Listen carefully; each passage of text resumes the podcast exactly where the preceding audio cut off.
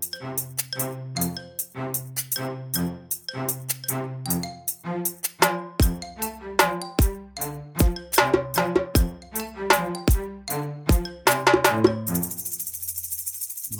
välkomna tillbaka till Stacken. Nu är vi igång igen efter en eh, lång härlig vinterledighet. Vi ska prata om en utredning som har kommit ifrån svensk stat angående IT-drift. Kallas för SOU. Och vi tänker gå igenom valda delar av den idag därför att när vi läser den Kim, det första vi reagerar på att rekommendationerna ja, det är ju knappt rekommendationer, men utredningens resultat och statements i den här utredningen går tvärt emot i vad EDPB och Svensk Datainspektion själv säger. Vart börjar vi med det här? Ja, jag tänker att eh, vi har skäl att återkomma till mycket mer i den här utredningen framöver. Men om vi börjar med ändå just själva konceptet vad utredningen säger är tredjelandsöverföring av personuppgifter. Mm. Så säger utredningen uttryckligen, jag citerar. Utredningsbedömning. Det utgör en överföring av personuppgifter till tredje land. När en personuppgiftsansvarig eller ett personuppgiftsbiträde behandlar personuppgifter genom användning av utrustning som finns i tredje land.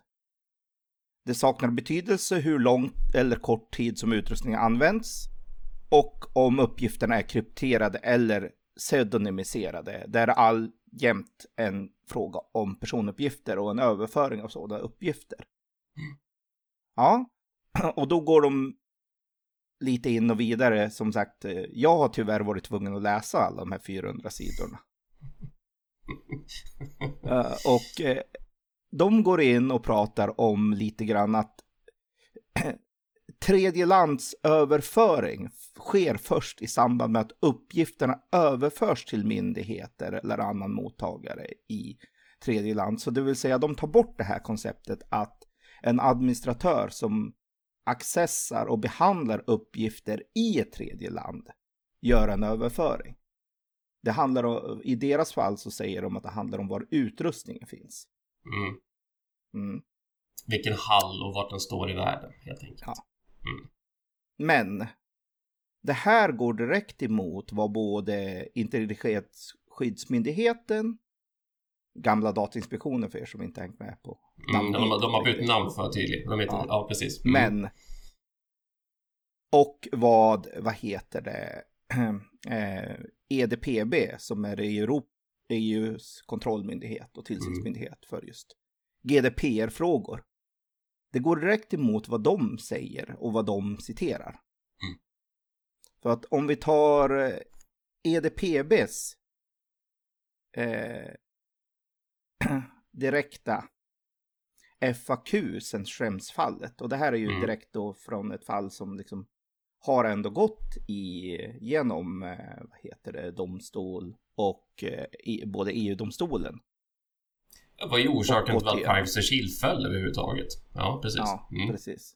Men där säger EDPB uttryckligen eh, att eh, de har en fras i sin FAQ om främst It should be borne in mind that even providing access to data from a third country, for instance for administration purposes, also amounts to a transfer. Mm. Så jag håller med om att det är olyckligt i lagtexten man inte uttryckligen har satt en tydlig definition direkt i lagtexten vad mm. exakt är en tredjelandsöverföring. Mm. Men jag kan inte läsa det här på något annat sätt. Jag vet att en massa jurister drar en massa tekniska termer om att minsann så här menar de inte. Mm. Men då är det, oavsett vad de menar, min kritik är lite grann att om du ändå klämmer in 400 sidor i en rapport, mm. gör du någonting som faktiskt i bara läsa rakt upp och ner går i direkt konflikt med tillsynsmyndigheterna. Mm. Kanske det hade motiverats att ha en lite större än att det är utredningsbedömning, punkt på det. det, är li, det är lite, ja, men det är lite typiskt politisk dans att jag, jag har, en, jag har en åsikt som skiljer mot vad andra tycker men jag tänker inte motivera varför för då kommer jag få motfrågor på det. Och det håller inte riktigt vatten. Jag tycker inte det heller för att vad som det här egentligen krasst innebär är att den här utredningens rekommendationer eller slutsatser går emot vad nu som är svensk lag. Därför GDPR som heter dataskydds eh, eh, vår, vår nya dataskyddslag i Sverige. Den är inskriven i svensk lag. Och det vi krasst i den här utredningen gör är att vi, vi, vi väljer att säga åt för de som läser den. Här har vi enligt er, ni får gå ut och testa om det här håller vatten eller inte. För att de, de hänvisar också till att ja, men det är på sista raden är det en EU-domstol som kommer att avgöra om det här är korrekt eller inte. Så att ska, ja. vi, då bet, ska vi då betta på att vi ska vi hoppas att det funkar och hamnar vi i en EU-domstol och, och, så blir vi, och så faller vi där. Ja, vem, vem hjälper oss då? Ja, precis. För det här är ju en rekommendation som de anser att alla svenska myndigheter ska tillämpa. Mm. Och vi kan ju bara läsa vad, vad skriver Integritetsskyddsmyndigheten på sin egen hemsida. Mm. Om just exempel på överföring av personuppgifter till tredje land. När ni anlitar ett personuppgiftsbiträde i ett land utanför EU. Har ingenting om utrustning. Nej. När ni ger någon utanför EU tillgång, exempelvis läsbehörighet till personuppgifter som finns lagrade inom EU. Mm. Och jag hävdar absolut att de har rätt i andemeningen i vad det är. Så att det de, det som eh, utredningen menar är att när det är en, eh, när det är en behandling i tredje land, när det är en direkt överföring, det är när en administratör i ett tredje land faktiskt kopierar uppgifterna till sig. Mm. Men nej, det räcker ju att den har access och utför behandlingar av uppgifterna mm. ifrån tredje land. Mm.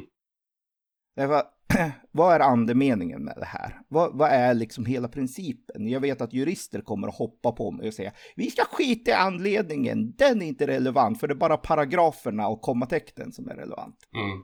Ja, nu får juristerna hata mig bäst de vill, men nej, det är andemeningen och principen av det här som är. Mm.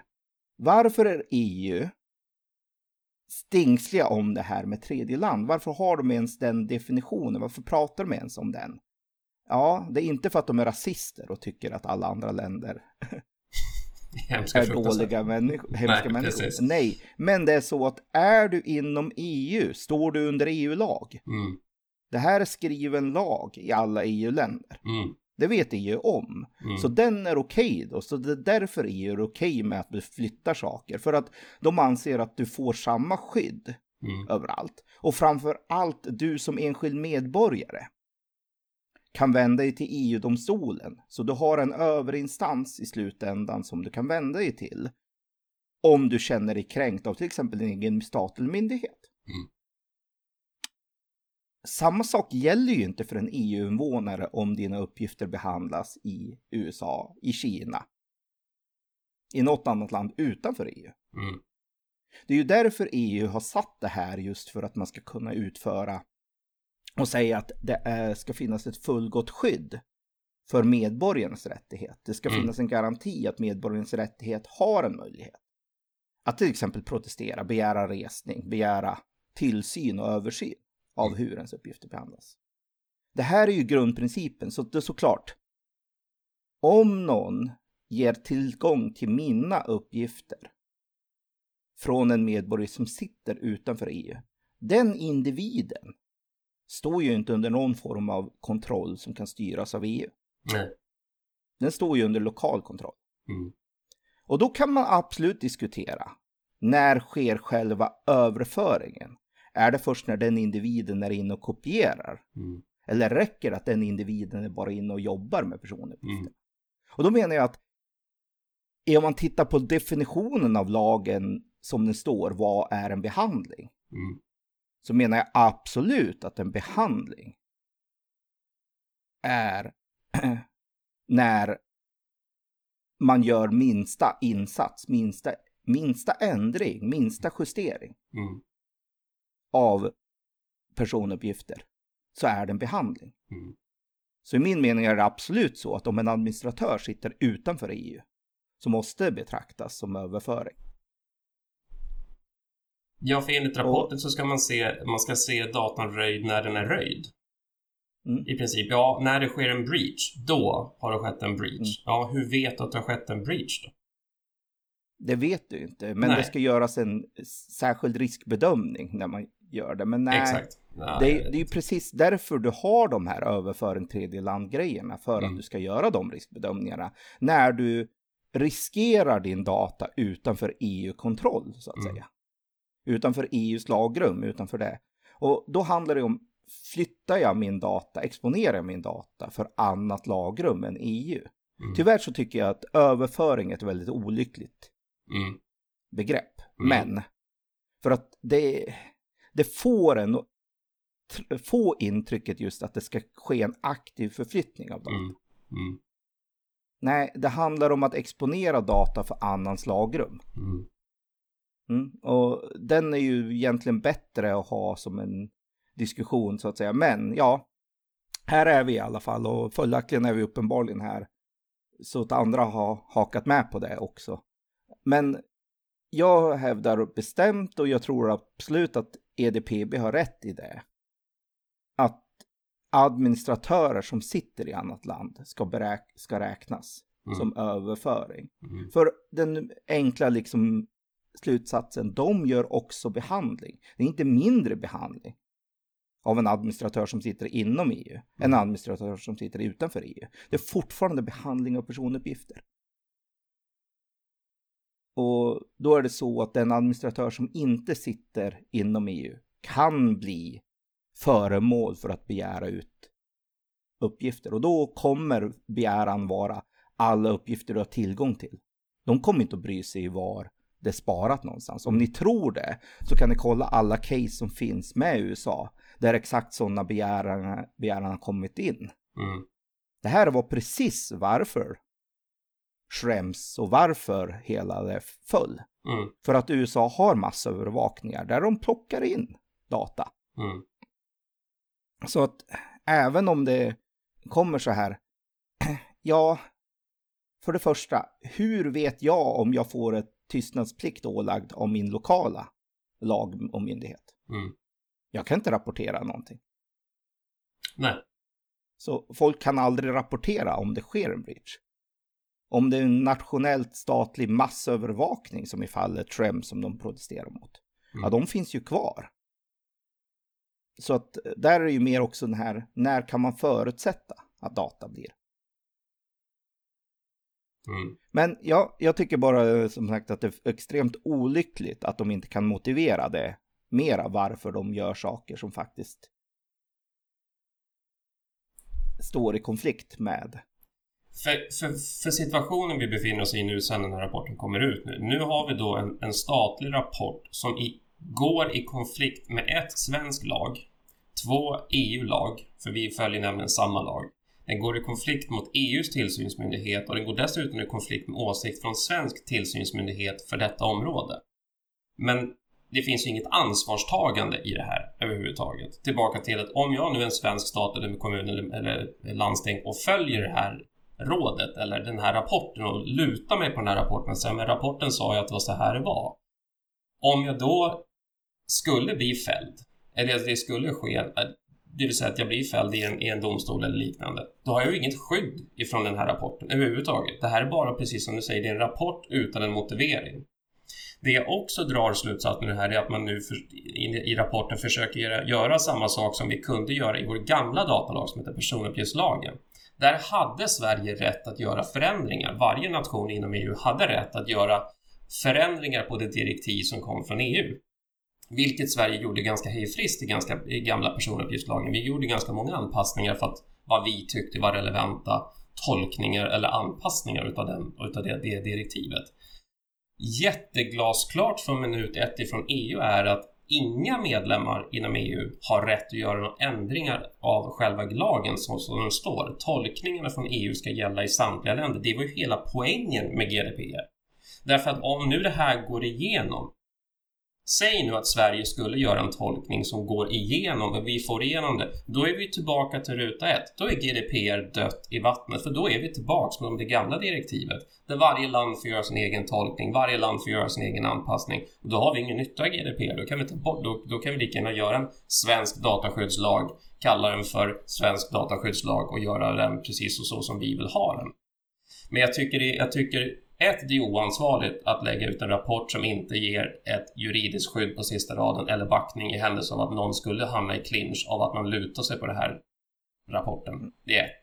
Sen två, nej, svensk stat, Stefan Löfven och hans regering har ingen rätt att ändra på den här lagen och anpassa den så som vi i Sverige tycker godtyckligt. Det har varit klart från minutet. Han måste få ett godkännande från EU för att göra det, för att det har ju funnits möjligheter att göra nationella undantag baserat på till exempel nationell säkerhet. Det har funnits möjligheter att göra nationella undantag baserat på grundlagar i respektive land som funnits innan GDPR skrevs in. Men det kräver ju att man faktiskt går och säger, men det hade ju varit rätt väg att gå. Är man inte överens om EDPBs uppfattning, som är ändå tillsynsmyndigheten mm. inom EU för det här. Och nu säger folk att jag har absolut fel när jag läser EDPB. It should be borne in mind that even providing access to data from a third country, for instance for administrative purposes, also amounts to a transfer. Mm. Är, i, är, är inte i konflikt med vad de skriver i utredningen. Vilket jag hävdar att jag vet inte hur man tolkar det. Det utgör en överföring av personuppgifter till tredje land när personuppgiftsansvarig eller biträde behandlar personuppgifter genom användning av utrustning som finns i tredje land. Mm. Och så skriver man längre ner att det uttryckligen inte, det är, eh, det är också vår bedömning att det inte är fråga om tredjelandsöverföring när personuppgifter behandlas uteslutande inom EU. Även om personuppgift personuppgiftsansvariga eller biträde som behandlar personuppgifterna är bundna av tredje lands lagstiftning. Ja, det går ju rakt emot vad EDPB säger. Ja, men det kommer att vara väldigt mycket kommentarer som hävdar att minsann, där har vi fel. De är fullt förenliga med varandra. Ja, och då, och då säger, jag... ja, men då säger jag som så här. Mm. Om den här rapporten var till för att göra någonting klarare så vart sörjan i glaset ännu mer sörja, om jag ska ta upp riktigt. Så, bara för att vara tydlig, kära rapporttillverkare. Ni misslyckades med att göra det klarare i den här frågan, vill jag bara mm. säga. För att jag kan absolut ha fel och det var inte alls så här ni menade. Fine, men varför skriver ni inte ett förtydligande i rapporten? Det kan vara så att ni har hämtat in mycket mer ny aktuell information från EDPB. Mm. Där de helt har ändrat uppfattning och håller med er och säger absolut, vi tänkte fel här. Det mm. här gäller istället. Mm. Varför har ni inte med det i rapporten? Mm. Gå tillbaka till IMY och Integritetsskyddsmyndigheten, när ni ger någon utanför EU tillgång, exempelvis läsbarhet till personuppgifter som finns lagrade inom EU, EUS. Det går också direkt emot vad ni säger i rapporten. Mm. Så jag är mer bara så här, om det nu inte finns någon konflikt. Varför säger ni inte det? Varför motiverar ni inte det? Därför att sådana här saker som kan vara i direkt konflikt med de egna tillsynsmyndigheterna tycker jag åtminstone, kan vara bra att ha riktigt väl motiverat. Mm. Och välgrundat. Och framför allt så, kära rapportverkare, de kommenterar ju de här olika sidorna från de olika myndigheterna. Så de har ju mycket väl medvetna om dem. Så de har ju läst dem och studerat dem. Så det är min fråga, varför kan man inte då ta upp ett resonemang där man kan anse att det kan finnas en otydlighet? Mm. Så. Jag, jag menar att om det här var till för att göra bättre trygghet, öka tydligheten, så kan jag säga tyvärr, där har ni i vårt fall misslyckats eftersom, ja. Ja, läser vi, läser vi eh, eh, responser på det här, olika sociala medier och vart man nu läser folks åsikter nu mer i världen. Det är ungefär lika många åsikter och tolkningar av den här som det finns personer som har tänkt till och läst den. Och det är ett bevis för att den nog inte var så glasklar som den kanske hade för ambition att vara. Och jag, jag, uppskattar initiativet att försöka göra en rapport som faktiskt skulle klargöra förhållandet så att det skulle bli enklare för svensk stat, kommun, landsting. Men med den här rapporten, hade jag varit CIO eller IT-chef på en kommun just nu så hade jag inte varit en sekund tryggare att trycka på knappen eller våga göra någonting. För som sagt, i händelse av att jag står och lutar mig på den här rapporten och säger att ja, men de sa ju. Vad har jag sen för hjälp i nästa led om det bevisar sig att nej, EDPB och vår svenska egna datainspektion, numera IMY, deras tolkning och åsikt faktiskt var den som gällde, vilket jag har en tro om att det är det som gäller, för de är trots allt tillsynsmyndigheter inom detta område specifikt. Och jag är hemskt ledsen och säger det också, men jag är benägen att tro att kompetensen på de tillsynsmyndigheterna är bra mycket högre än den grupp som skrev den här rapporten. Just i detta och, ämne. Men rapporten skriver är faktiskt lite fint, snällt. Som om det inte vore jätteobvious att i slutändan är det EU-domstolen som bestämmer tolkningen av... Ja, och då var vi där igen. Nej, du skojar. Det är domstolen som bestämmer tolkningen av... Ja, men ska man då gå genom den utsedda tillsynsmyndighetens förordning emot den? Och utmana det här i EU-domstolen. Jag hoppas verkligen någon svensk myndighet gör det, för det ger ju bättre klarhet då i alla fall. Mm. Så, let's go ahead, please do. Vem, vem är beredd men, att gå först då? Men jag tycker att det är lite, för det är som du säger, jag tycker det är ansvarslöst. Mm. Att inte ge en ordentlig, jättegedigen motivering då, mm. om det är någonting som du sen ska hållas ansvarig för i domstolen. Ja. Så kan det ju vara bra att du vet argumenten i alla fall. Därför att, ja. För med det sagt, jag kan inte på någon form av rimlighet se att det här inte är i direkt konflikt med vad som faktiskt står i EDPVs uttalande och utlåtande och i EMY, i uttalande och utlåtande. Och om man tittar rationellt, om man tittar på vad hela principen med varför man vill skydda personuppgifter när det görs en behandling i tredje land. Så är det just när du ställer dina personuppgifter, när du gör EU-personuppgifter tillgängliga för behandling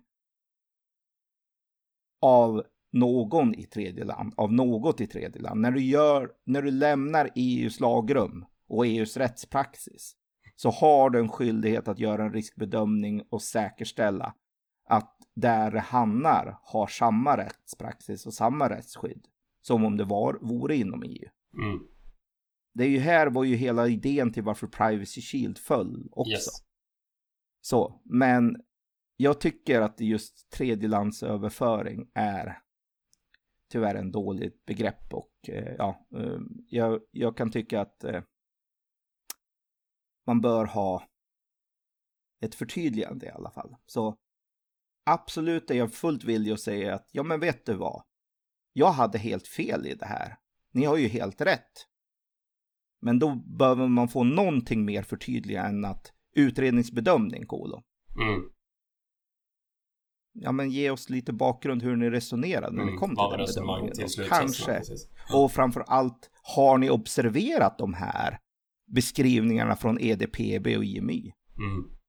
Det kan ju vara bra att ta upp dem då, när det finns skäl för att de kan direkt mottolka det som man skriver i utredningsbedömningen. Ja, eller i varje fall hänvisa till dialoger med EDPB eller IMI.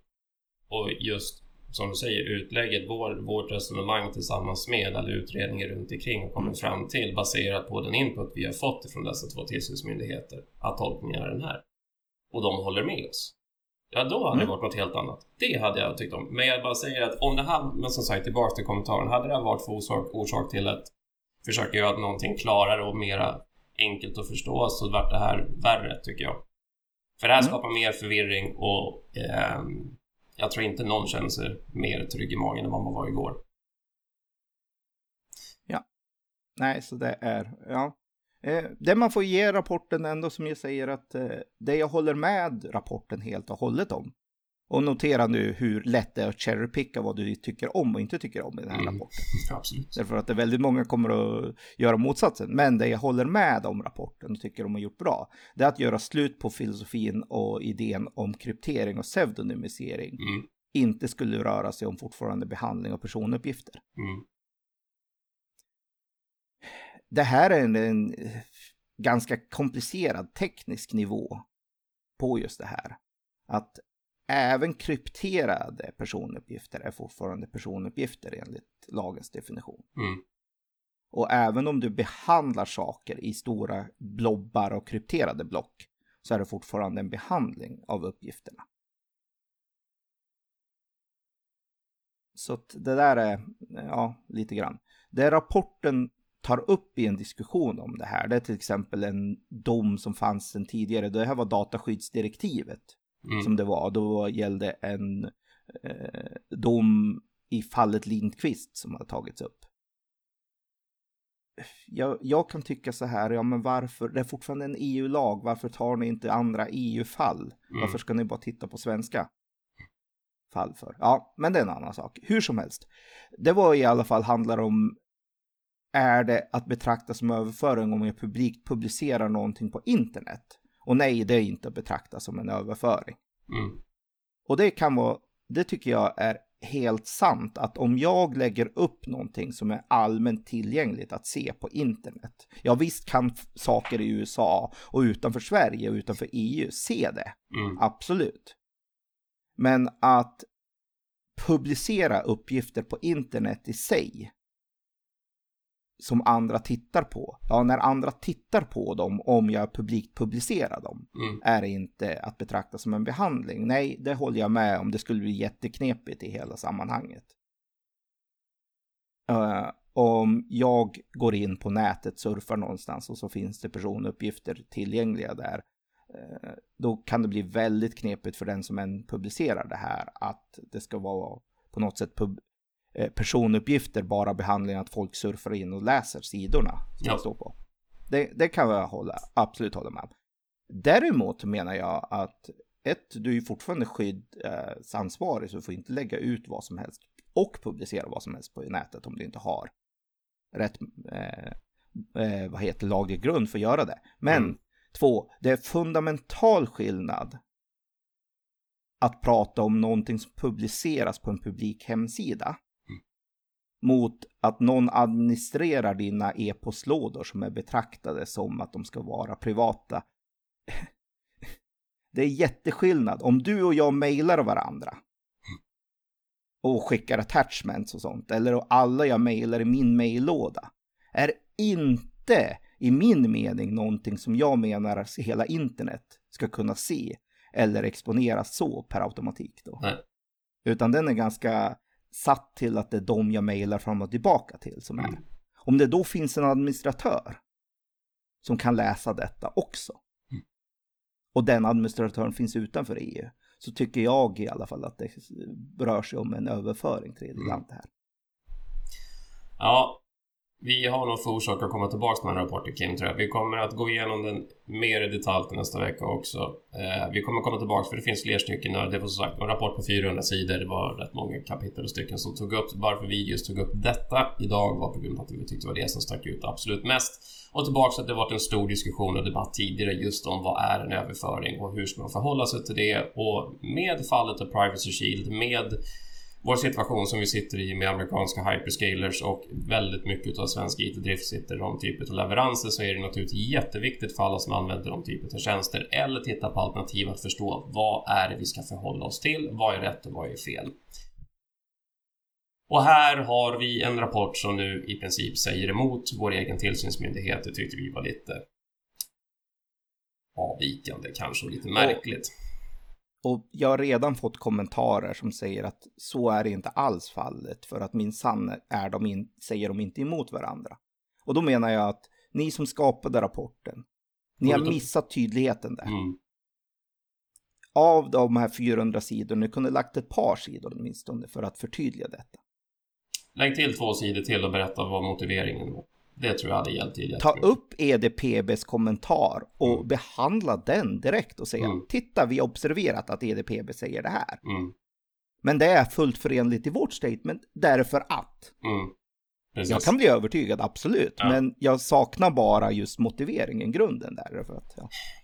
Och det, det, det, är nog det de flesta gör också. Och just i, med läget som vi sitter i också. Vi behöver tydlighet just nu. Vi behöver inte mer förvirring i en redan fruktansvärt förvirrad situation med internationella datalagar och vad som gäller och vad som inte gäller.